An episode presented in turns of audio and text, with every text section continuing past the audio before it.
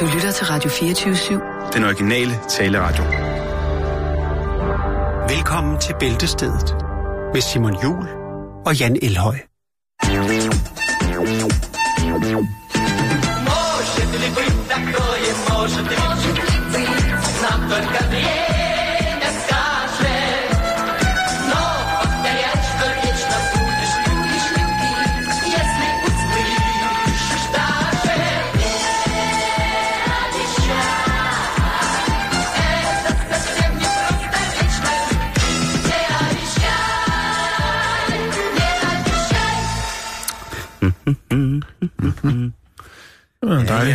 Dejlig, dejlig stykke musik at starte med, synes Det jeg. er dejligt. Karoline Wozniacki har fået en ny kæreste. Ja, tillykke med det. Interesserer det dig, ikke? Øh, nej, nej, det er ikke Hvor- det store. Hun er tennisdarling. Hun er Danmarks tennisdarling. Jo, det er hun. Men jeg synes da, det er godt, at hun har fundet kærligheden. Lad os håbe, at, at, øh, At det holder at denne det holder den gang. At det ikke er ligesom ham Råry der. Han var en værre, værre karl. Det var noget værre noget. Ja, det var det. Men det er da godt. Det er da altid godt, når folk øh, finder kærligheden, Simon. God aften, havde jeg sagt. God eftermiddag, og velkommen indenfor i Bæltestedet. Det er øh, onsdag, og øh, jeg har taget, øh, jeg vil sige, at jeg har taget lidt øh, alvorlige ting med i dag. Øh, ikke Ja.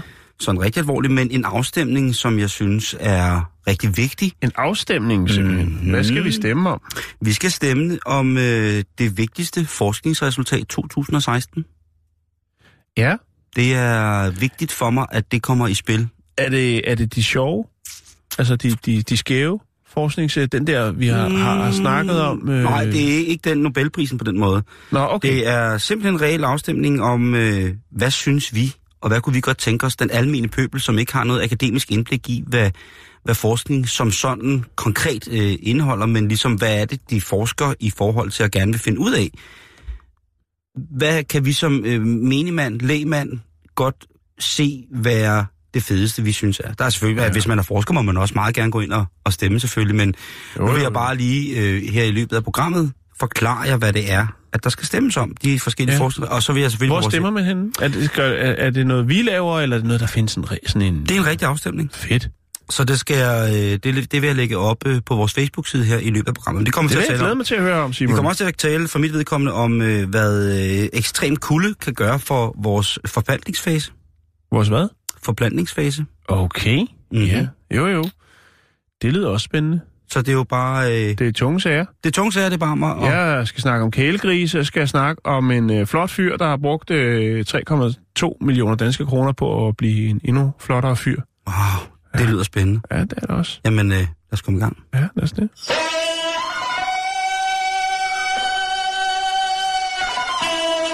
Jamen, jeg tror, at terningen peger på, at du starter. Nå, jeg skulle lige til at sige, jeg vil da godt høre noget om det forskningshalløj her. Jamen, det Øh. øh, synes jeg faktisk, vi skal starte med så, Ja, fordi det kan det- godt øh, det, gå hen og tage en... Øh, ikke en rumtid, men det er noget, man lige skal være med til, og måske kan, kan tage podcast. Yes.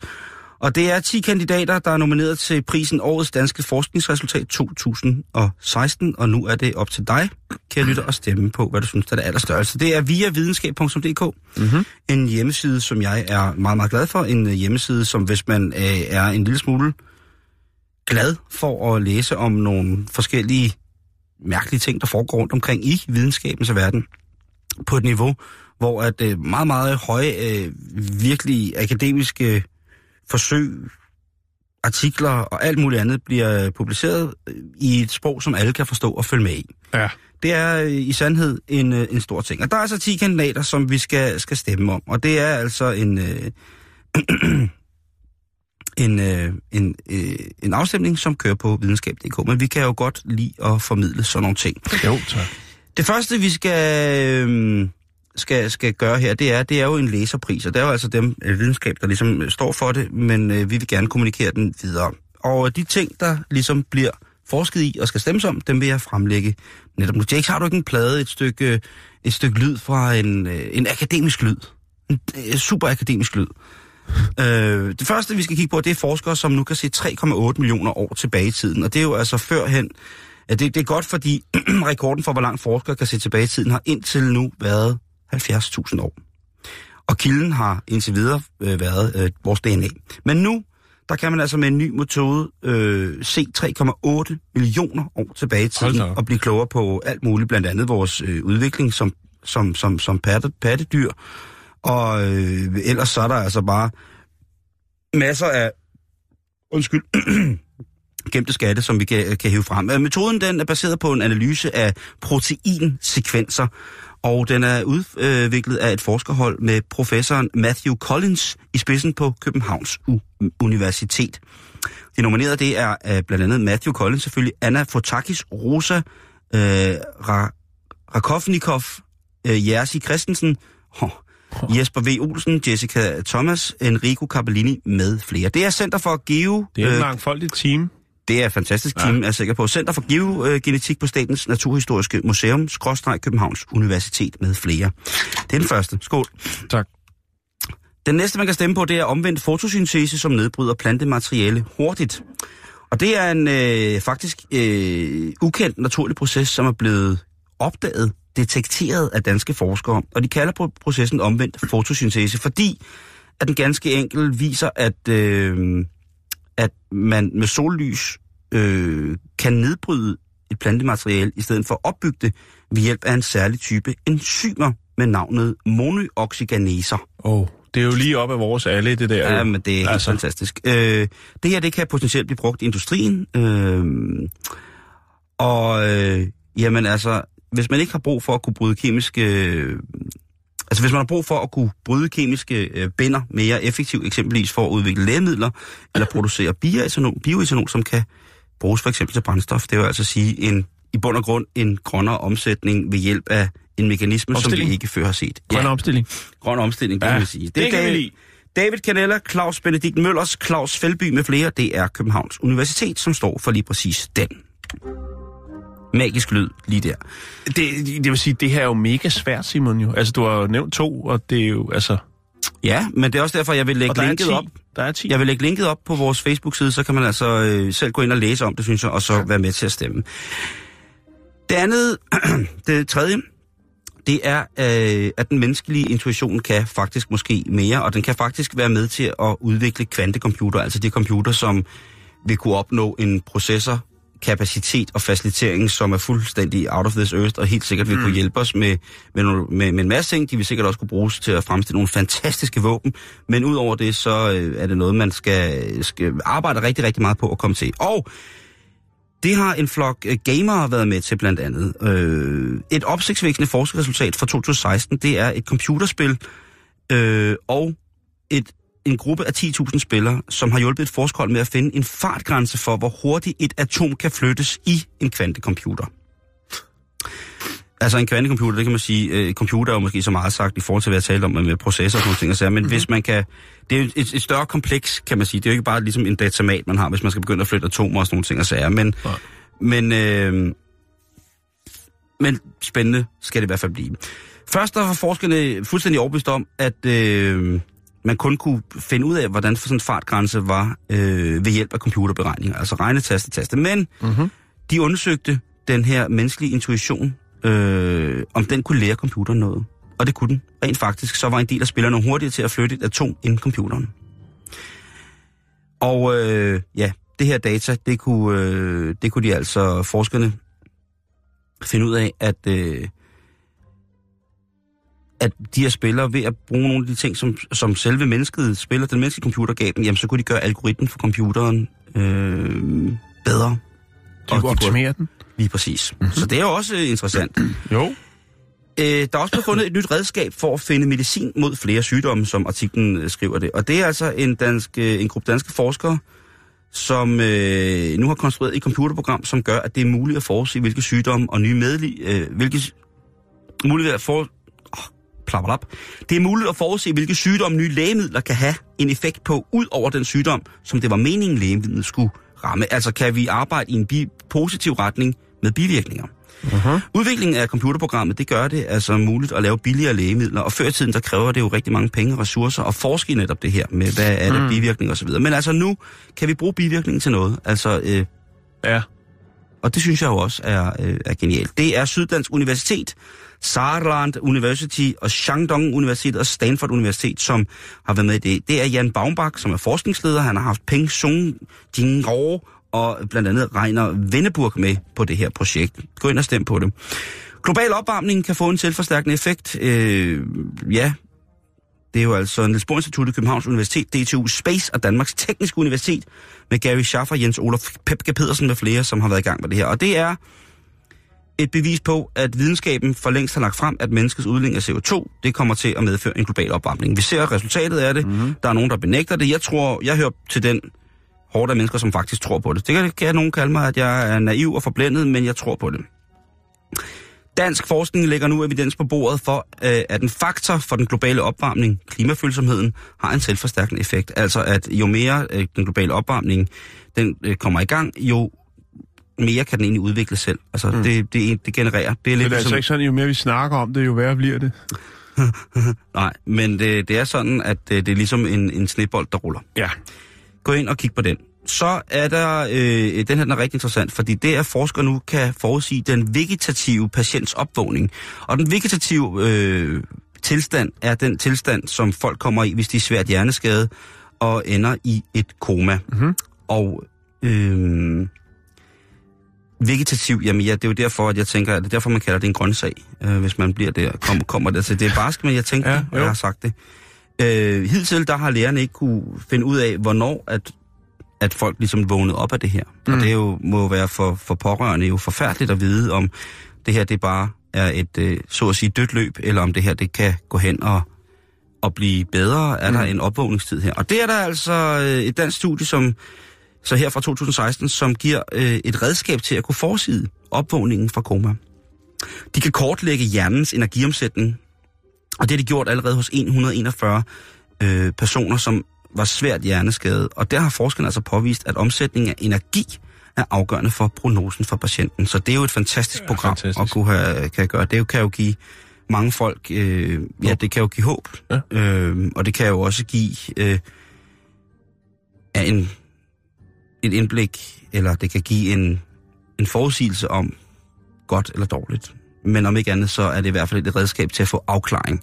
Og det er jo noget af det, som jeg tror er det aller, aller sværeste, hvis man er impliceret, eller hvis man har en, Mm, ja. har en person øh, tæt på, som ligger i det her. Det er Jan, øh, Johan Stenner, Christian Nygaard Mortensen, Sune Dagner, hold kæft, et fedt navn, Albert Gede og Ron Kubers fra Københavns Universitet, som har stået for lige præcis den her lille genialitet. Så uh, skal vi ud i et uh, materiale, som hedder antibrint. Jeg ved ikke, hvad det er, men det er altså Aarhus Universitet, som smider i bøssen her, og det er uh, noget af en bedrift, fordi antistof er en uregerlig størrelse. Vi har jo tit snakket om mørk masse med Sten Hansen fra uh, Niels Bohr Instituttet, mm-hmm. vores homie uh, Sten til det H. Øh, og ja, det har jo, jeg ved ikke, om det har meget at gøre med det, men antistof, øh, det er jo noget, som gør, at hvis det rører noget andet, så forsvinder begge dele. Og tilbage i det tomrum er der så kun en energi. Og forskerholdet, de har målt, øh, at øh, antibrint og almindelig brint på kvantiniveau faktisk er hinandens spejlbilleder. Mhm. Så man har, du ved, en dobbeltgænger, Ja. Spejl.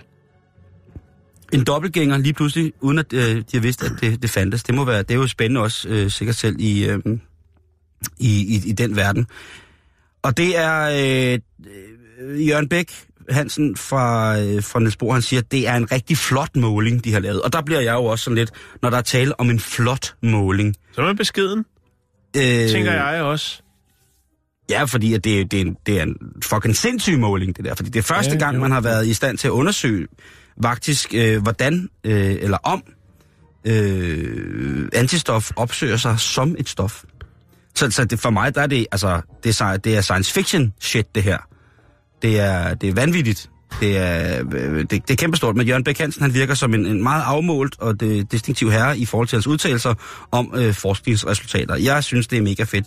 Jeffrey Hangst, Chris Ørum Rasmussen, Timothy Friesen, Graham Stotter og Bruno Jimenez fra Aarhus Universitet ligger den. Fiskeolie, det er godt for meget, Jan. Ja. Det ved man, men nu har man Jo. faktisk også fundet ud af, at det øh, kan være med til at forebygge astma hos børn. Nå, Og det er jo en kronisk børnesygdom, som jo øh, rigtig mange børn lider af.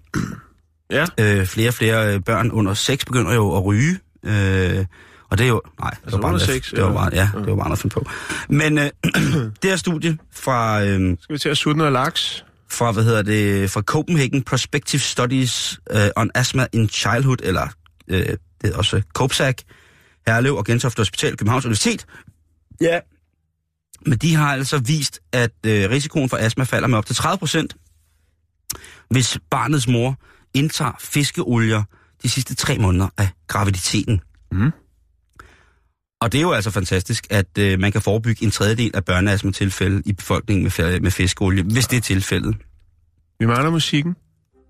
Åh, oh, ej. Lige præcis, den kom der. Magisk. Øhm, og, og nu kommer der noget, jeg ikke helt forstår, men det står der i videnskab.dk, der bliver så læst det, fordi studiet er et dobbeltblindet, randomiseret, placebo-kontrolleret studie, og det, bliver, og det bliver kaldt super solidt, spændende, enormt grundigt og kæmpestort af forskerkollegaer. Så hvis der er nogen, der kommer til og siger, at I har et dobbeltblindet, randomiseret, placebo-kontrolleret studie i gang, Så anerkender vi på stedet. så, lige på stedet. Ja. Så er vi med, så er vi nede med det pisse der med det samme.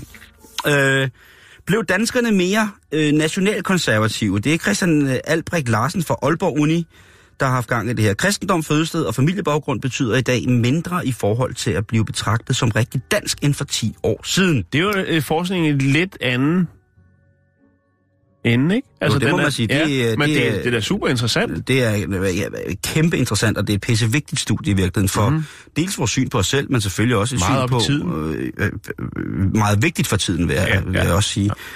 Ja. Øhm, og det er en, ganske simpelt spørgeskema, øh, besvarelse, som er blevet modtaget og analyseret af, øh, af, af Christian her, og den er lavet i, i blandt folk danskere mellem 18 og 79 år. Forskning via spørgeskema, det er også lidt retro. Men det virker stadigvæk, Simon. Det er kanon. Det er kanon.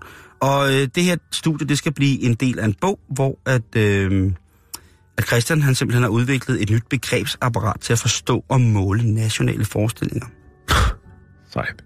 Det er også tungt, ikke? Åh, men det det, men i, i denne tid, så tror jeg, det er mere, øh, mere vigtigt end, end, end på noget andet tidspunkt. Der er jo rigtig mange, inklusiv undertegnet selv, som har svært ved at forest, øh, forestille sig, hvordan man skal betegne øh, øh, en nationalist på en måde, som ikke er, er, er, er negativ, mm-hmm. øh, men som vil gerne vil, vil både øh, beskytte, men først og fremmest øh, ja, beskytte sit, sit, sit lands øh, identitet, Mm-hmm. men gøre det på en måde, som for, ja, Ikke er hensynsfuld over for... er hensynsfuld og er åben, øh, mm. ikke blåret, ikke dum, øh, men øh, realistisk, øh, med, en, med en positiv overvejende øh, omfang af, af, af eftertænk som blåret, hed det, ved, øh, eftertænk som naivitet, vil jeg have lov til at påstå. Øh, så spændende, kæmpestort. Øh, er man lidt til den humanistiske side, jamen så skal Christian Albrecht Larsen for Aalborg Universitet selvfølgelig have en stemme der.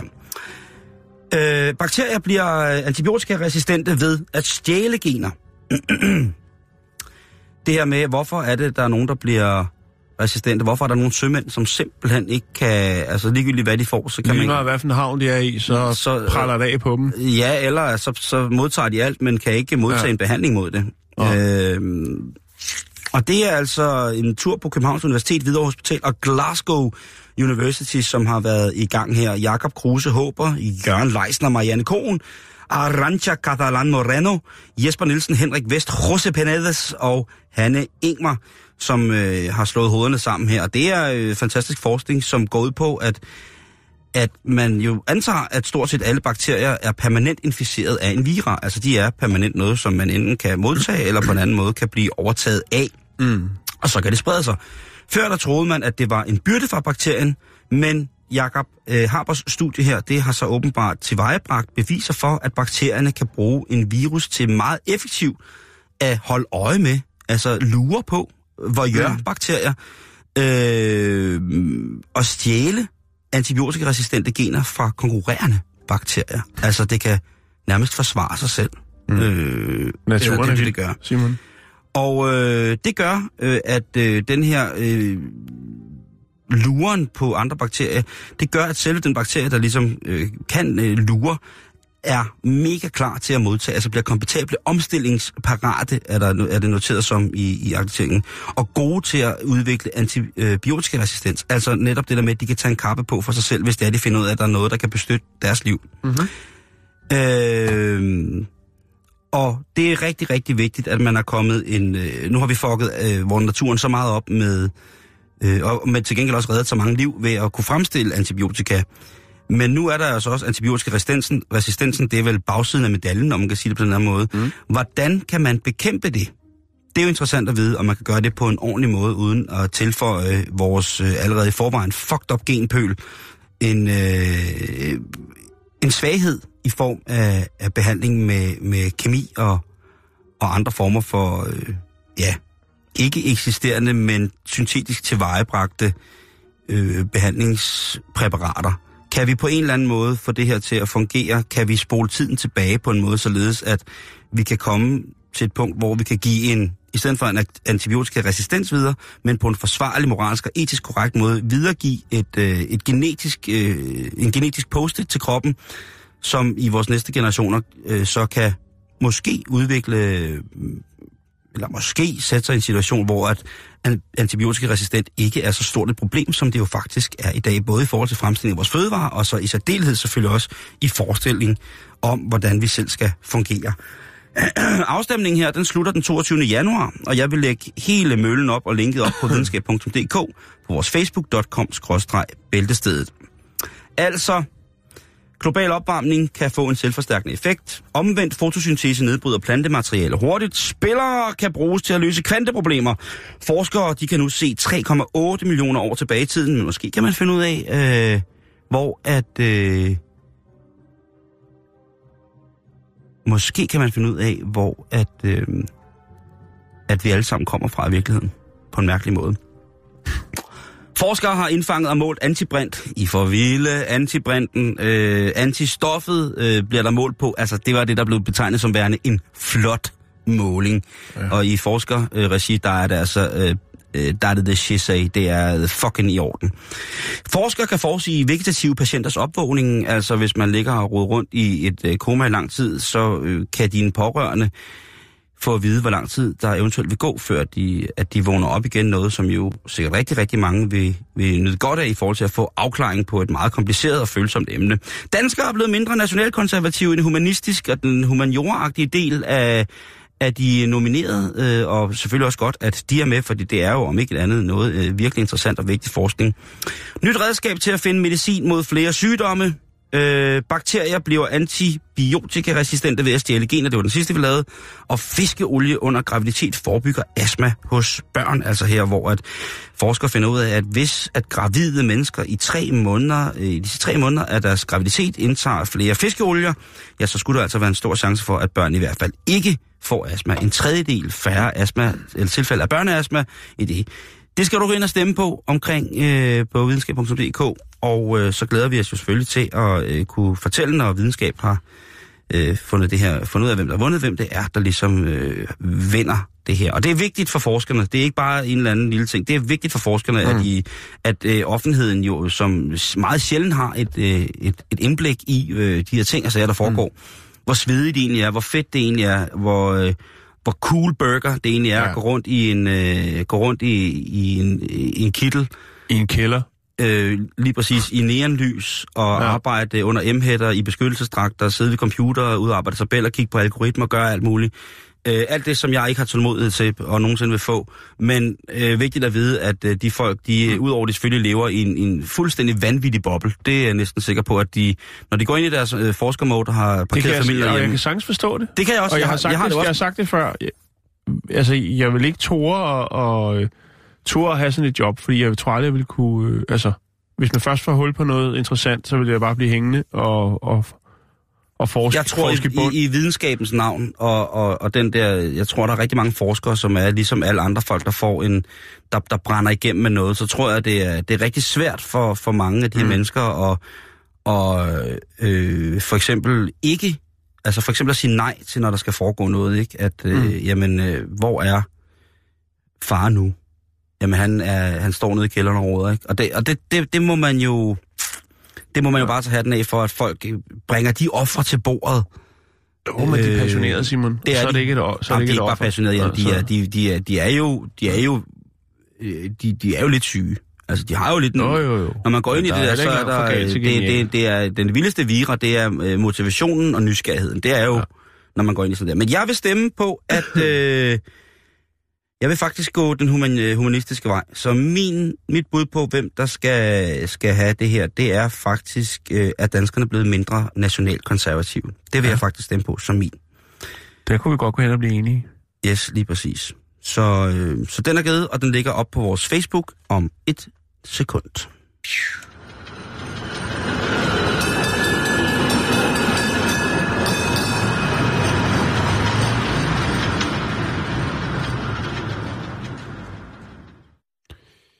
Så er det mig, og nu skal vi over til noget helt, helt andet, men sikkert også øh, virkelig, virkelig vigtigt for nogen. Øh, vi skal snakke om flot fyr. Han hedder Rodrigo Alves, og øh, han er måske hos nogle af dem, der virkelig, virkelig følger de, alle de interessante mennesker på de sociale medier. Så kender de ham måske som øh, Human Ken Doll. Og øh, referencen dertil er selvfølgelig øh, kendt fra Barbie.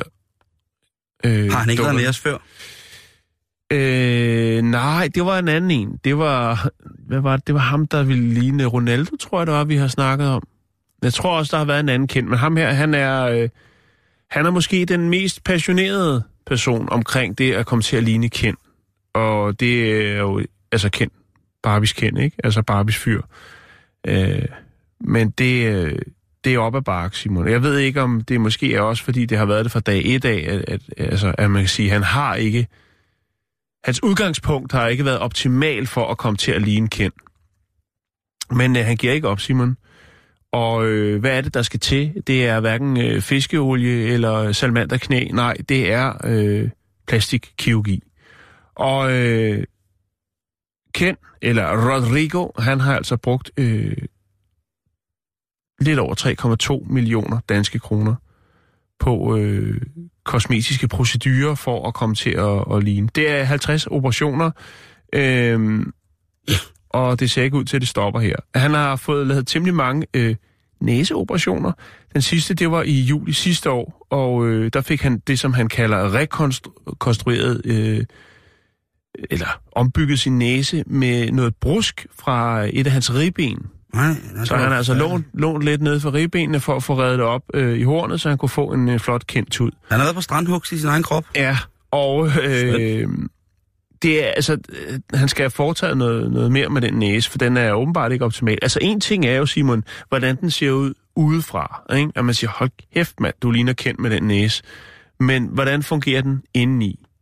Og øh, han har altså værtrækningsproblemer igennem næsen, øh, grundet alle de her sådan, indgreb, som der har foretaget. Jeg skal nok lægge billeder op, og jeg har også fundet hans øh, Instagram-profil, hvor han øh, giver den gas øh, i England, i London. Ha, han er en rigtig partyfyr, øh, og sikkert også en, der trækker en øh, masse opmærksomhed, når han øh, gebærder sig rundt i nattelivet. Og det kan man jo tit tænke på, og hvorfor er det? Er det fordi folk synes, at man er interessant, fordi man er smuk, eller blot fordi man er en freak? Jeg, jeg, jeg ved ikke, hvad jeg skal sige. Altså,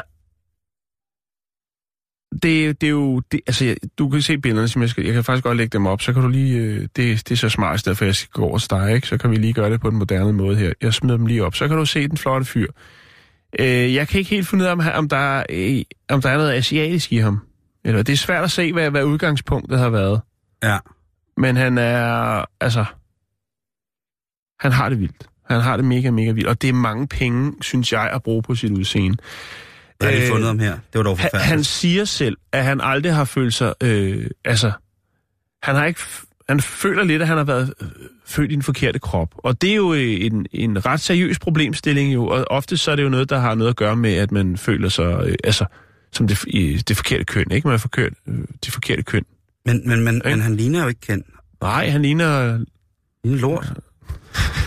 Men, Må jeg ikke sige til ham, så sover ham. nej, ja, ja, ja, ja, men jeg, jeg, jeg, jeg, jeg, forstår, jeg forstår heller ikke... Han, øh, altså, han forklarer jo, at han har født i en forkert krop. Han har ikke følt, at hans, øh, til hans øh, personlighed, at, at, at den krop, han havde, var den, øh, og det udseende, han havde, det passede til. Og det har jo altså gjort ham ulykkelig og deprimeret. Og det har han altså så brugt øh, 3,2 millioner på at rette op på. Og øh, han betragter sig selv som en meget succesfuld person, og øh, meget glad, øh, og er altså mentalt og åndeligt, så er han bare i topform. Og det, altså, hvis der skal 3,2 millioner til det, og så at det der, det er det, det, det endelige resultat. Altså, du, jeg ved ikke, om du skulle, for lytterne måske skulle prøve at... at Jo, prøv at beskrive ham. Beskriv ham. Men, men det er jo... Øh, det er jo nærmest så hyggeligt, ikke? det, det er i hvert fald det, det, det typiske, der sker ved, at man begynder at justere for eksempel på kroppens naturlige aldringsproces ved, ved Botox. Det er jo øh, en floskel at tale om, men der sker jo noget med ens mimik, og der sker jo noget med ens fremtoning. Ja. Når man så også får foretaget forskellige plastikkirurgiske indgreb for... Der er noget kindben, kan, kunne det godt se ud, som om han har fået lavet, Ja, ikke? det kunne også godt ligne noget sminke. Øh, men så, der, der sker jo altså noget med, at man øh, i de her personers tilfælde, går jeg ud fra, har et øh, fotografisk indtryk af, hvordan at man gerne vil se ud. Og man må sige, man kan sige meget godt om Ken, men man kan jo sige, at hans mimik i kraft af, at han er en plastikdukke, jo ikke er mobil organisk på samme måde som almindelige mennesker, altså levende mennesker, så er gammel, ung, rynket, hullet, ejet eller hvad, så er der bare noget sjæleligt, modtageligt, når man kigger på et, et, et menneskes ansigt. Ja. Det, som der er, det bliver tydeligt præg af, det er jo selvfølgelig de mange operationer. Det ser meget kunstigt ud. Jeg ved ikke, hvordan det er ru- retuscheret, det her. Men der er jo et billede, hvor han jo øh, direkte ligner en blanding øh, af, af en voksdukke og, øh, Ja, og, så, præcis. og, så en, øh, og så en virkelig uhyggelig vampyr, øh, synes jeg, fordi ja, han har den det, her... det er meget godt beskrevet. Han har den her trutmund, som jo øh, altså tydeligvis bærer præg af sikkert noget arbejde med læberne. Og Ja, der, der er jo, er- der, der er jo rigtig mange, der tror, at det bliver, det bliver godt for, for læberne. Det, jeg har lagt mærke til, selv når man kigger på folk, der får, får lavet Botox, det er meget det der med, at det virker som om, at munden skal redde resten af ansigtet. Og så får man lavet en, nogle justeringer på sin, på sin læber, som man er glad for, men så glemmer man lidt resten af tingene, hvilket det svarer lidt til at stille et meget, meget stort, smukt marmorbadekar ind på, øh, med, med guldløvefødder, ind på et lille bitte, bitte, bitte, bitte badeværelse. En lille Øh, øh, man- storby badeværelse, ikke? Ja, Køb- så man skal bakke ind eller på. Man lægger ikke mærke til andet, og der er for så vidt heller ikke plads til at, at, at gøre andet. Og det bliver Ah. det hele taget øh, lidt øh, upraktisk. Mm. Og sådan er der jo så forskellige mange steder i hans ansigt, som ser sådan ud, som om at der er blevet foretaget nogle korrektioner. Ikke med henblik på at få... Der er et før- og efter-billede, ikke? Så Og han han er så ud sin unge. Han er sgu da en flot, flot fyr. fyr, ikke? Øh, før, før alt det der Han ligner, han ligner en af de allerlækreste i Leroy, øh, L'Oreal Studio Line-reklamerne, øh, da han er ung, ikke? Jo, Og, Inden de øh, begynder at fuck hans ansigt og man op. kan godt se på næsen der, at han i den grad har fået justeret øh, bredden. Jo, men proportionerne synes jeg jo så også bliver... Øh, og Ja, det er min helt private opfattelse, men tit, når der kommer Botox i folk, og man ser det jo, der er jo kvinder på, på 30-31 år, som, som øh, øh, får lavet Botox, og øh, jeg ved ikke, om de tror, at det forsvinder eller kommer tilbage igen, men det er altså ikke en... Øh, det er altså... Øh, Det, det, det stof, man tilfører dit væv, er jo ikke på den måde øh, godt i forhold til det øh, vævets naturlige øh, regenerering. Øh, der vil, øh, vil ganske simpelt ske nogle forskellige ændringer, sådan rent øh, kemisk i din, i din kødstruktur, de steder, hvor du får lavet det her. Og det gør altså ikke, at tingene kommer ikke helt tilbage, at det bliver strammet op på en måde, som jeg synes kan ved misbrug være rigtig, rigtig øh, uhyggelig. Øhm, og jeg tror, altså jeg kommer til at øh, ældes som lort, og det glæder jeg mig faktisk til. Jeg har ikke øh, det store problem med, øh, med rynker, eller hønserøvsmund, eller... Øh, øh, jeg synes jo, at, at det hører med, at det er jo en god ting. Jeg, er også, jeg kan jo godt lide gamle møbler og patina og sådan nogle ting, jeg sagde, og, og den her higen efter, øh, som først starter som smårettelser, og så ender med sådan nogle totale korrektionsoperationer, det er bare noget mærkeligt noget. Han ser, synes jeg, rigtig, rigtig uhyggelig ud. Han er sikkert drønflink. Han er sikkert måske en af de rareste mennesker i verden, men jeg tror også, Det tror jeg ikke, han er. jeg tror også, der, Jeg tror, han er fucking irriterende at være sammen med. jeg tror også, der er nogle komplikationer inde i ham i forhold til, hvordan... Øh, det vil der jo altid være ligegyldigt, hvem man er, hvis man føler, man er født øh, i den forkerte krop. Hvis det er det overliggende psykologiske pres, man lægger på sin egen bevidsthed omkring øh, selvforståelse, ja. så er der selvfølgelig mange, mange problemer, man skal arbejde med. Det håber han får hjælp til. Hvis det har hjulpet en lille smule at få, øh, øh, undskyld mig, øh, lavet sit ansigt om til, øh, til noget, som, som mildest talt er, er, er meget, meget utolkbart, jamen så må det være hans, øh, hans lod og, og hans glæde ved det, der skal bære min forståelse for projektet igennem. Mm. Det er i hvert fald ikke det, det øh, ud- udseende, jeg, jeg, jeg tænker på er, er, er godt. Det ser Nej. ganske, ganske unaturligt ud. Ja. Nå, Øhm. vi, har, vi har lagt et billede op, og jeg lægger lige link op til hans Insta- Instagram-profil, så kan man jo øh, virkelig, virkelig gå i dybden med hans øh, fantastiske liv. tere, meil on stuudios tänase saate uustulnuk artist Savikas.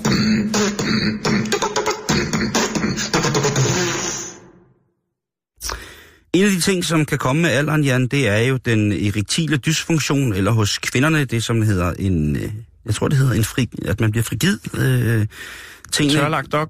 Lige præcis, at øh, det er galt. Og der er jo rigtig mange, øh, der er rigtig mange ting, som bliver hævet frem i lyset som værende den korrekte og den nye kur til det. Der er, det er sikkert forskelligt, eftersom at mennesker jo er heldigvis er forskellige, så er der jo sikkert flere forskellige måder, at det kan virke på, og der er forskellige behandlinger, som virker på forskellige mennesker. Men en af de nyere ting, der er kommet frem, det er øh, meget, meget kold luft på de nedre regioner. Og det er både, hen, altså det er både, skulle være både for kvinder og mænd. Ja. Så, så det, det er noget med at få en ekstra stor lynlås i, i cykelsbukserne, når man skal... Ja, det er jo, men man tænker jo nu, at det, På det kan man da gøre gratis her, når man cykler, øh, når man cykler bundløs øh, i sin lille nederdel på arbejde om morgenen, eller man Det er jo bare... et problem så med den globale opvarmning, ikke? Jo, jo, men i de her, disse kolde tider, som det PT er i Danmark... Jo, så er det bare at øh, op. Ja, og der tror jeg måske, der er mange, som vil... Jeg tror, øh, det vil fjerne fokus. Jeg synes ikke, man skal cykle eller gå med, med, med tissemanden eller tissekonen fremme, altså, fordi det er koldt. Fordi det muligvis vil have en, en effekt på, på noget, som, som man mangler. Øh, jeg tror, der er mange, der vil blive rigtig, rigtig ked af det, og jeg tror også, at hvis man cykler med, med tissemanden eller tissekonen fremme om morgenen, så tror jeg altså, at det vil kunne skabe en del øh, kaos, også fordi, at man på et tidspunkt sikkert vil nå smertegrænsen selv. Så vil man blive ufokuseret om sin, øh, sin, sin primære funktion, altså at skulle orientere sig i trafikken og cykle, og så tror jeg, det vil kunne gå forfærdeligt galt, og der er jo ikke nogen, der ja, fortjener at blive kørt ned med, med, med det stykke af deres krop blotlagt øh, på sådan en måde. Men derfor så er det godt, at man har en klinik, som for eksempel kryoterapi i UK. De har givet den her behandling øh, t- navnet Love Mist, altså kærlighedsdisen. Og det går altså ud på, at man for mændenes vedkommende øh, hælder pjorten ind i en øh, lille slange, og så bliver der altså kørt utrolig kold luft rundt om selve, øh, selve lemmet. Og det skulle altså gøre, at øh, når den her meget lave under frysepunktet temperatur dækker og kommer ind og rammer huden, jamen så vil det her pludselige, pludselig fald i øh, miljøet omkring øh, lemmets øh, øh, hvad hedder det, normale miljø, den vil, altså temperatur, jamen det vil altså stimulere de forskellige temperaturreceptorer, som faktisk vil, øh, vil hvad hedder det, med det samme give hjernen besked om, at, øh, at, at nu skal der pumpes noget blod tilbage. Altså, mm. der, skal, der skal Kan man varmes ikke op bare igen. vinterbade? Det, det, øh, Skal det være kold luft? jeg tænker, at det er også godt for, for, for, øh, for kroppen og vinterbade. Det er jo, jeg mm. elsker jo at være i det der kolde vand. Det kan lyde meget, meget mærkeligt, men det er... Og jeg vil ikke kalde mig vinterbader, men jeg øh, foretager mig en gang med nogle aktiviteter, så jeg er i kontakt med vandet og under det.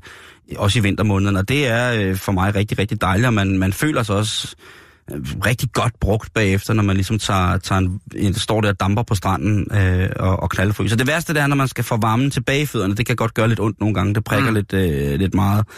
Øh, men øh, det er altså det nye, og det gør jo også øh, kvinder, kan jo også bruge det.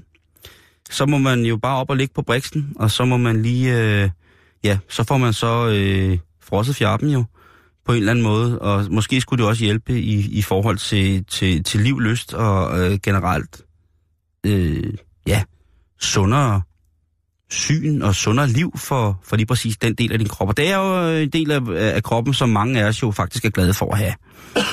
Bestemt. Undskyld, hvis jeg hoster lidt. Det gør ikke noget, Jan. Sådan er det. Vi ved godt, at... øh, at øh, Vi møder ind hver dag på job. ja. I, øh, I Danmark, eller i England, der koster det cirka øh, en plov for en 30 minutters behandling, for mm. at simpelthen få... Øh, få, hvad hedder det... Øh, Men er der noget om, altså er der, er der nogen, der ligesom siger, at det virker? Er der nogen, der... Altså, er der nogen tilfredse kunder i Bixen? på deres hjemmeside, så øh, tror jeg, at de selv har skrevet nogle af de anmeldelser. Ja. Jeg tænker bare, at øh, jeg vil ikke... Jeg har det lidt ligesom det der med, med, med Botox, at så længe at, øh, at jeg, jeg, jeg kan præstere øh, på en eller anden måde, så må det være, være fint, inden, jeg, inden jeg begynder at fylde hele kroppen op med, med, mm. med, med chohai. Men jeg vil sige, det er jo rimelig harmløst det der, men jeg, jeg, jeg undrer mig over, fordi normalt så synes jeg, at kulde har en anden effekt på, Lige præcis, på kønsorganet. Jeg synes da, at hvis... Så trækker den sig ind i skjoldet. Ja, lige præcis. Så går den i seng, så bliver den sur, så smækker den med døren, og så vil den bare op i den tykke krop, og så vil den ikke frem igen, før det er dejligt varmt. Øh, men, men altså, det her med den plus, pludselige frysning sådan et sted der, jamen det, det frigiver jo en masse øh, medicamenter fra kroppens eget medicinskab, ikke? Mm. Og det er jo sundt for mange ting, siger folk, ikke? Det der med, at vi får drevet nogle ting ud, når der er adrenalinpumper, endorfinerne, oxytocinerne, alle de der ting. Når de begynder at arbejde, jamen ja. så, for, så sker der noget i kroppen, der bliver ligesom renset igennem, fordi at lige pludselig så skal øh, kroppen ligesom Skal det arbejde, arbejde? ikke? Ja, jo. Så måske Jeg et par vil- misterninger, I ville kunne gøre det også. Fem Ja. minutter om dagen, ikke? Ja, der er jo nogen, der påstår, at, øh, at øh, et, Hvis du så øh, smider nogle øh, knibeøvelser oven i hatten, jamen så er du øh, klar til... Der er nogen, der påstår, at en isterninger, isterninger under blowjobs eller øh, fellatio er en, øh, en gave som en form for piring. Ja. Man kan jo sikkert starte der. Jo. Øh, med et stort stykke frossen, Og jeg ved, der er et firma, der lever af at bringe ud. et stort stykke frossen torsk ind i munden, og så ellers bare i gang med, øh, tingene. Men øh, det er England nu, hvis det, er, var, hvis det var noget. Mm. Altså, hvis det bare var noget. You're pretty good. But your style is no match for mine.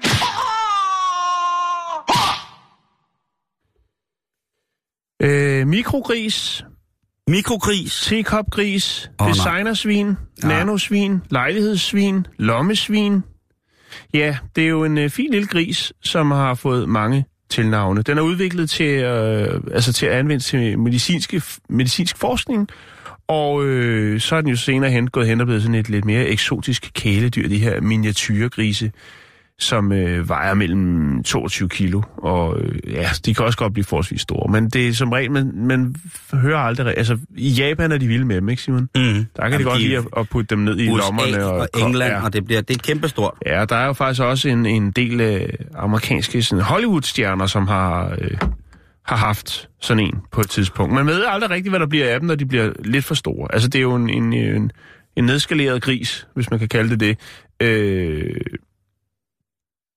Ja, jeg Så- må jo bare så- acceptere, at jeg må bare acceptere, at folk kan, øh, kan kaste deres kærlighed på dyret så meget, så de synes, det skal indlemmes i familien. Øh, Men jeg er jo bare så gammeldags af, af hvad kan man sige, opfattelse, at at for mig der er, er, er, er svinet et, et husholdsdyr, altså noget, vi skal have for at spise det. Jo. Og det tror jeg er svært, hvis man knytter sig til det på den der måde. Ja. Øh, der, er, der er nok mere en, en hunde og myshemaren. nu skal jeg fortælle en fin historie. Den handler om øh, en fyr, der hedder Derek. Ender den med paté? Nej, det gør den ikke. Og heller ikke med flæskesvær. I hvert fald ikke endnu. Men øh, Derek, han havde ikke nogen intentioner om at eje en gris. Øh, men en øh, fredag aften for fem år siden, der øh, får han en øh, besked fra en pige, som han har gået i skole med. Øh, hun kunne huske, hvor glad han var for dyr. Og øh, nu var det altså sådan, så hun øh, havde en minigris øh, derhjemme. Men hun kunne ikke have den mere, og det var fordi, hun lige havde fået tvillinger, øh, og så blev det lidt for meget med to nyfødte, og så en, øh, en øh, sådan en lille gris der også. Nå, bevares. Øhm, så hun spørger så, om hun, eller om han måske kunne tænke sig, altså Derek kunne tænke sig at få den her seks måneder gammel gris, øh, som hun i øvrigt selv havde fået fra en opdrætter, øh, og siger, jamen altså, det, det, det, det er jo en minigris, Og ikke? den er stueren. Den er stueren, og har det sko på. det er og seks måneder, så, så den er måske ikke helt stueren. Men i hvert fald rigtig, rigtig sød, og den, hun siger, som hun siger, den bliver ikke meget større end en kat. Øhm, Derek skal lige tænke over det, og snakker med sin kæreste, og øh, sammen der har de øh, allerede øh, to hunde, to katte, en skildpadde og nogle køjfisk. Øh, De er animal lovers. de er animal lovers, og Ja. det er jo fuldstændig som at, at huske det fra skolen af. Skønt, skønt, det, skønt. De elsker stadigvæk dyr. Mm. Øhm, så ringer pigen nogle timer senere og øh, spørger, jamen prøv at, der er altså en anden en, der er interesseret i den her lille gris, så, øh, så du må lige finde ud af. Altså det, nu ringer jeg til dig først, og du ved, det er lang tid siden og sådan noget. Kunne du tænke dig den minigris? Øhm, og siger, jamen, altså, George Clooney, Paris Hilton, de har været der, de har haft en minigris. Øh, og hvorfor skulle... Øh, Altså, George Clooney var ikke en, en minigris, det var et vietnamesisk kængebusvin. Okay, men de er, de er forholdsvis små også, ikke? Ja, de... de ja, ja, ja, de Eller men de alt er relativt, men Ja, det vil jeg sige. Han har haft en gris, og, Ja. ja. og, og det var vist det, hun ligesom prøvede at sælge den på. Så prøv at høre, hvis, hvis, hvis Geo, altså hvis Mokka-kongen, han øh, har et, et hængebusvin derhjemme, ikke? Så? Og, og, og DJ Paris Hilton også øh, repræsenterer med en, med en fin lille glatbarberet gris. DJ Paris. Ja, det, er, det er jo rigtigt. Ja, ja, hun havde en DJ-karriere, eller hvad man, jeg ved ikke, hvad man skal kalde Nej, det. det ved jeg faktisk Nej. heller ikke. Nå, men i hvert fald, øh, så er det sådan så, at øh, Dereks kæreste er tryllekunstner, og øh, prøver ligesom, øh, de er jo et par, øh, og siger, prøv at, du kunne måske bruge den gris i dit trylleshow, så giver det jo også endnu mere mening. Jo, jo, bevares. Nå, men øh, det, der sker jo så det, at de siger, "Jamen, prøv at, vi, altså, vi skal da have, vi skal da have den gris, det er da det, vi skal. Øh, senere så giver de den øh, navnet Esther. Det er Og- et godt navn til svin. Ja, Det er Altså- rigtige. Altså, Esther, det er sådan fint. En, øh, ja. Jeg, Ja. Altså, dejligt, dejligt, dejligt svin. Og jeg elsker jo svin. Jeg kan også godt lide navnet Esther. Så det, og det, er, to, øh, det, det er plus plus, og det, uden det giver minus. Den faldt så hurtigt til rette i det nye hjem. Mm. Øh, de lavede en lille seng til hende i en kasse, og det var jo fint at have sådan en lille puttegris. Øh, og det ender jo selvfølgelig også med, efter et par uger, jamen, så har Esther, som den jo hedder nu, mm. øh, charmeret sig ind på, øh, på, på parret her. Øh, den elsker at putte i sofaen, og den er glad og kærlig, og jamen, det er fantastisk Hvad med de andre dyr? de tager den også til sig. De synes, det, det er spændende og interessant. De træner faktisk også grisen som en hundevalp, og øhm, tager den til dyrlægen og alt det, der skal. Øh, få klippet hale, tror jeg også, faktisk. Øh, Ej, hvorfor fanden kopierer de dyrets hale, når det skal bare skal gå derhjemme? Det, jeg ved ikke, om den skal bruges til noget andet. Det melder historien ikke noget om. En nøglering. Men i hvert fald så siger dyrlægen også, at øh, der er et problem. Og det er altså, at der, det, det lader altså ikke til, at øh, det her er nogen øh, minigris, men er en kommersiel gris, altså en gris, der kommer fra en gård. Øh, det bliver de selvfølgelig ret chokeret over. Nu har de jo ligesom knyttet sig til den her gris, og så er det, øh, så er det altså... En, altså, nu har de så en, en lille gris, men den bliver nok ikke ved med at være lille. Nej, så har de 120 kilo slagtersvin gående derhjemme, Øh. og den både spiser og, øh, og serverer den anden vej også, kan man sige. Det, altså, han siger, jamen, den, øh, den, altså, den vil nok, øh, altså, den vil nok runde øh, de 200, de 200 pund, ikke? Altså 100 kilo, er det vist det omkring, ikke? Ja. Øh, og det er jo, så er vi oppe i en ret stor hund, ikke? Øh, oh, du, men en vagt, en vagt, et vagtsvin er en, også en vagtsvin, ja. Men øh, det er selvfølgelig klart, det er lidt mærkeligt, at de vælger jo så at give øh, Esther et tilnavn, øh, Esther the Wonder Pig, altså, eller Esther Wonder Pig, fordi det er jo så lidt mærkeligt, at de lige fra går have en, en lille fin kælegris, jo nok øh, har noget større på vej. Ja. Øhm, men kærligheden var der, Simon, og så er man jo nødt til at... Bor de i lejlighed? De bor i... Det kommer vi til, fordi okay. at det der så er... De, de, de, altså, den begynder jo at, at, at spise mere og bliver jo større og større, den her gris. Og de kan jo godt sige, altså, hvad, hvad, hvad skal vi stille op? De øh, laver simpelthen en crowdfunding, øh, en crowdfunding-kampagne, øh, hvor de øh, søger efter et fristed, altså et, et større sted, hvor de så også kan tage sig af flere dyr. Mm-hmm. Øh, altså, de går i, helt i dyremode. Så yes. Yes. nu har vi den her, vi har vores dyr, øh, og så er det jo så, at øh, nu er vi jo så oppe på Esther i, i, i den talende stund, er oppe på 290 kilo. En stor, flot gris, og... Øh, Øh, ordentligt svin. det er det, ja. På der, deres crowdfunding-kampagne, den lykkedes, og der har de altså rigtig mange forskellige dyr, som øh, de har fået forskellige steder fra. Og, Men hvis de øh, har 290 kilo gris gående derhjemme, Ja, de har selvfølgelig knyttet sig så meget til det, men der undrer det mig, for det første, at de har haft en gris alene, det er sociale satan og sådan nogle svin der. Så de, og den har jo haft hunde og mennesker. Og, Ja, selvfølgelig. Men, Men den, den, er, den har været social, den har måske ikke... Øh, altså, der, og, det kan, og det kan virke makabert, men der vil jeg måske have, have fået slagtet Esther, og så øh, fået en, en ny lille gris, man kunne tage sig af. men nu har de altså 47 øh, beboere her i deres lille fristed, og det er jo altså både køer og påfugle og så videre. Ja. Det, der så sker, Simon, det er jo, at, at folk er jo vilde med den. Ikke? Der kommer jo folk og besøger det her sted, hvor der er alle de her dyr, og øh, så er det selvfølgelig klart, at, at fordi Esther jo er opdraget som en hund og er klog og intelligent, det er grise jo, Ja, for jamen fanden. så er det jo også noget, hvor børnene bliver ellevilde, når de kommer og møder Esther, som jo både går udenfor og hygger sig, men også er inde i privaten. Åh. Øh, Esther, The Wonder Pig, har en øh, Facebook-side, den vil jeg lægge op nu, og der kan man altså følge Esthers liv. Og der er, øh, man ser, hvordan den selv åbner døren, når den har været ude, øh, ude i haven, så skubber den lige med, med, med trynen øh, skydedøren til side og lægger sig ind. Og jeg viste dig faktisk, før jeg kendte Esther, der viste jeg dig en film for et par uger siden, Mm-hmm. med en gris, der ligger og tykker bolsje. Og det er faktisk Esther. Hold da kæft. Så det er en rigtig hyggegris. Den er bare blevet lidt større, end det havde regnet med. Ja. Den kan ikke være en kop mere. Ej, og, der, og der må jeg jo sige, øh, det forstår jeg ikke. Men det, er, hvad, folk, hvad folks hjerter, hvad folks hjerter gør, når et dyrs, når, når, når en dyrs sjæl og sind øh, løber af med, med, med det, jamen det er jo, øh, De er blevet forført. de er jo uansageligt, de er i hvert fald blevet forført i den grad. Men jeg kan godt lide det et eller andet sted, og så kan jeg alligevel ikke... Nu kan du lige gå ind og se på. Jeg lægger den op på vores Facebook-side. Jamen, der, er, der, er jo, det, der er jo ikke nogen tvivl om, at det er cutie cutie har nå, faktor som ind i helvede. Ja. Jeg er bare... Nej. Det, Du vil hellere have en flæskesteg sandwich. Det er fuldstændig korrekt. Vi skal blive i dyrenes verden, Jan, fordi nu skal vi snakke om en dreng, som enten er verdens mest uhyggelige dreng, ensom dreng eller et lille geni. Det er en 12-årig dreng, som øh, bor i England, og øh, han hedder Dominic Wright. Og han bliver kaldt for hønseviskeren, fordi han har et fuldstændig fantastisk tag på kyllinger og høns. Han er vokset op på en øh, gård, hvor hans forældre har fritgående høns, og der har han altså lært at, øh, ifølge ham selv, han er 12 år, at kommunikere med hønsene.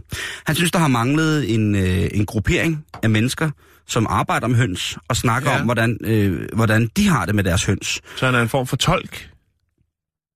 Det kan man godt sige. Han siger i hvert fald selv, han er 12 år, han siger i hvert fald selv, at øh, han har startet foreningen Hvad sammen. hedder han? Han hedder Dominic. Dominic? Øh, Dominic Wright. Hønsetolken Dominic? Jeg lægger lige billeder op af ham. Han har sammen med sin øh, veninde på 13 lavet den her lille forening, øh, hvor at man så kan møde mødes med andre folk, der holder høns, og så kan man øh, så, så fortæller han, hvad hønsene for, øh, siger, og hvordan han oplever hønsene. Fordi, når han, som han siger, altså, jeg snakker jo rigtig meget med hønsene, og de snakker jo rigtig meget tilbage til mig. Han, der står ikke noget om, hvorvidt at han er socialt velbevandret i, i sin omgangskreds af andre 12-årige og sine klassekammerater for eksempel, men han, der, han siger selv med et smil på læben, og han ser sød ud, han bruger rigtig, rigtig, rigtig, rigtig meget tid med, med hønsene. Ja. Jo. Og øh, i hvert fald, ja, det er jo, øh, det, det, er jo, det er jo dejligt. Men altså, i, i, kommu- øh, i Pelton, det offentlige øh, forsamlingshus, Pelton Community Center, jamen, øh, der, øh, der kan man altså mødes og få en snak om, hvordan øh, og hvad det er, øh, hønsene siger. Og så tænker man, okay, det er da meget sødt og sådan noget, men nu er det en 12-årig dreng og sådan nogle det der måske, der kommer forældrene måske ligesom for at støtte op. Men nej, det er faktisk blevet en lille bevægelse.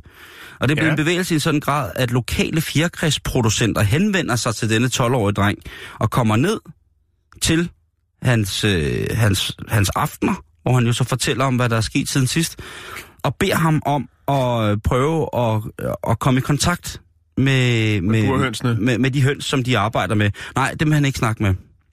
Det er synd. Det skal være fritgående høns, og Ja, ja, det skal ja. ja. gerne være nogle af de engelske raser, som, som han selv har, er, er vokset op med. Han, øh, der er omkring 25 mennesker i klubben nu, som kommer trofast hver gang, at der er gathering i, Og så er de deres høns med. i hønseviskerklubben. Og så bliver der altså tolket på livet løs om, hvad de små fjerkræde øh, venner siger. Ja. Han, øh, han troede... Han, han Tykker pinden at sidde på og sådan noget. Ja, lige præcis. Der skal varme i gulvet, og øh, ja, vi gider ikke have ikke kage og sådan nogle ting. Der er mange ting, som de ligesom er, er, er, er bevendt med at skulle, skulle fortælle, og han er jo også sådan, siger... Han er, men han er, men han er, han er sjov, og han er... Øh, han er den grad, nu er jeg inde og kigge på, øh, på nettet på, hvordan at det egentlig ser ud, når han sådan går i gang med at, at, at hønse nuse. Og det der sker, det er, at han sidder faktisk på jorden, og så kommer hønsene hen til ham, øh, stort set øh, uanfægtet, hvor han er, og så tager han dem op til sig, og så, så kæler han med dem, og snakker med dem. Og så siger han, at så snakker de igen. Ja. Hans forældre er jo bare glade for, at han har de, det, de kalder en sund hobby. Ja, det er det. det, det og, og, og hvis han gør høns, kan gøre noget for hønsene, og også noget øh, for dem, som øh, har høns. Man kan jo diskutere, hvor, øh, at, hvor sundt det er, at han stort set kun snakker med et andet menneske, og så ellers kun snakker med høns som 12-årig. Der kan man jo, Jo. diskutere, om det er et, et, et, rigtig godt, eller om det måske er fra forældrenes side en lille smule fornægtelse af, at der måske godt kunne være noget, der skulle tales om med nogle professionelle i forhold til, hvordan deres søn reagerer til generelt øh, social stimulation. Men Prøv at høre. Vi skal ikke dømme ham. Vi skal fandme ikke, vi skal nemlig ikke dømme ham. For det kan være om, om 10 Han år, tænker vi, han er et geni. Jamen, det kan da godt være, at han ja. Ja. kommer til at lave den, den, den første, første staveplade til høns. Og så skal, jeg, så skal jeg lige pludselig ikke være bange for, for aberne mere. det er godt at tage ham med til hønseskidning, så skulle vi satme lave nogle penge. Hønseskidningsbingo. Tror du, han kunne... Øh, Så jeg kan lige sige, kan du ikke lige lægge en bøf, en, en, lille, en lille klat på 13-tallet derovre? han kunne sikkert godt lære en af hønsene det. Det tror jeg godt. Øh, det er jo ikke til at vide. Jeg lægger et billede op af den øh, 12-årige. Det er Skal vi Facebook. invitere ham til Bornholm til sommer? Ja, jeg ved ikke, hvad der sker, hvis man sætter ham ind på sådan en slagteri. Øh, men... Øh, Det var til hønseskidning, jeg tænkte. Nå, okay. Ja, okay. Facebook.com bæltestedet, der er vi. Vi tager imod mails fra øh, hele verden. Husk at gå ind og stemme på årets forskningsresultat, øh, som er øh, givet til os af videnskab.dk. Mhm. Øh, højt og heldigt, Jan. Tak for i dag. Vi høres ved igen i morgen.